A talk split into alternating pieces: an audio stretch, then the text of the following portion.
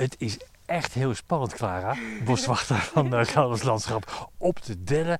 En we zijn op de fiets, de mountainbikes, Mhm. hebben we bij ons, om onhoorbaar door het bos eh, te kunnen fietsen. Het randje van het bos natuurlijk, want daar is de meeste kans op bosuilen. Ja, zeker. Ja, ja.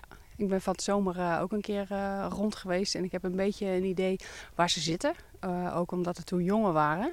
Dus dan kun je die jongen nou ja, al van verre horen roepen. Dus dan weet je een beetje waar de paardjes zich bevinden. Want hebben bosuilen een vast territorium? Ja, zeker. Ja, dat is echt eh, eh, vast. Ze zijn eh, man en vrouw voor het leven bij elkaar. En Oh. die blijven ook eigenlijk altijd in hetzelfde territorium. Ja, ja. En ze zitten 's winters en zomers op dezelfde plek? ja het zijn echt de standvogels. Dus eh, het hele jaar door zijn ze in ons land. Eh, en ze blijven ook altijd in hun eh, territorium. Het zal vast een keer een wisseling zijn als er eh, e- een van het paard doodgaat. Maar in principe blijven ze gewoon altijd eh, op dezelfde plek, in hetzelfde territorium. Ja. Ja, ja. Nog even luisteren of we al wat horen. Het is hier ongelooflijk stil in het bos, hè? ja. Ik hoor nog geen uilen. Nee, ik ook niet. Ik denk dat ze druk eh, bezig zijn eh, om een muis te vangen of iets Ja. anders. Ja, want wat eten bosuilen eigenlijk? Ehm, bosuilen hebben een heel gevarieerd dieet. Ze zijn, nou, misschien kun je zeggen dat ze niet heel kieskeurig zijn. Ehm, muizen staan wel op het hoofdmenu, eh, maar ze eten ook kleine vogeltjes.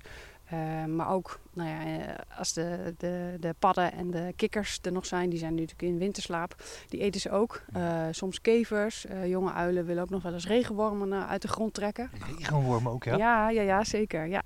Ja, ja, ze zijn ja, eh, heel gevarieerd. Ze eten van alles. Ja. Bosuilen, ja, die hoor je altijd zo, zo prachtig roepen. Maar waarom doen ze dat eigenlijk? ja, dat is een goede vraag. Ja. Ehm, waarschijnlijk om twee redenen. Eén, om hun territorium af te bakenen. Dus Ja. echt aan de, de buuruilen te laten weten van... hé, hey, hier zitten wij al, eh, blijf maar op je eigen stukje. Maar het kan ook voor de bald zijn.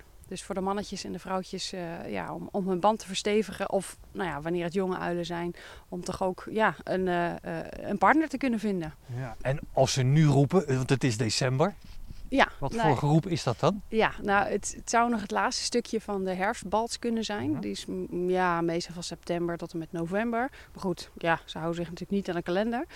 Ehm, dus dat zou nog herfstbals kunnen zijn. Maar goed, ja, ze roepen altijd wel af en toe, maar dat is eh, de grootste kans.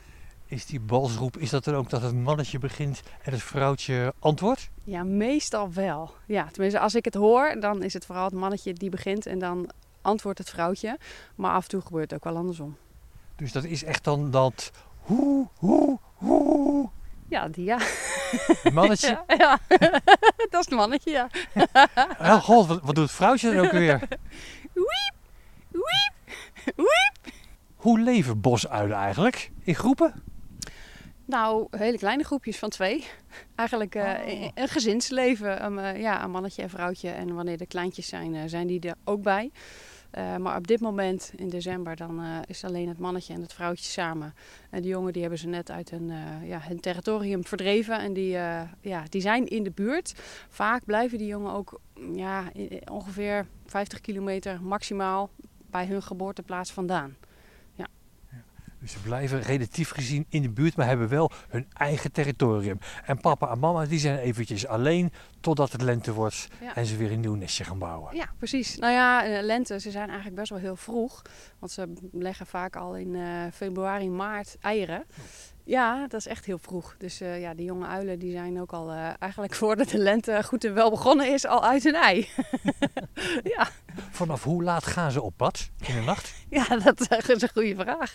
Eh, ik heb geen idee. Nou ja, vooral als het donker wordt. Ja. Het is gewoon echt een nachtdier.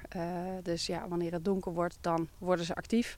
En tegen de tijd dat het weer licht wordt, dan gaan ze weer slapen. Nou, dan zijn we op het goede tijdstip eh, op pad, want het is ontzettend donker nu. Het is echt nacht. Dus eh, kom maar op, uilen. Ja. Moeten we iets verder doorrijden? Ja, we kunnen nog even kijken of we verderop eh, iets horen. Ja. ja, ga maar voor.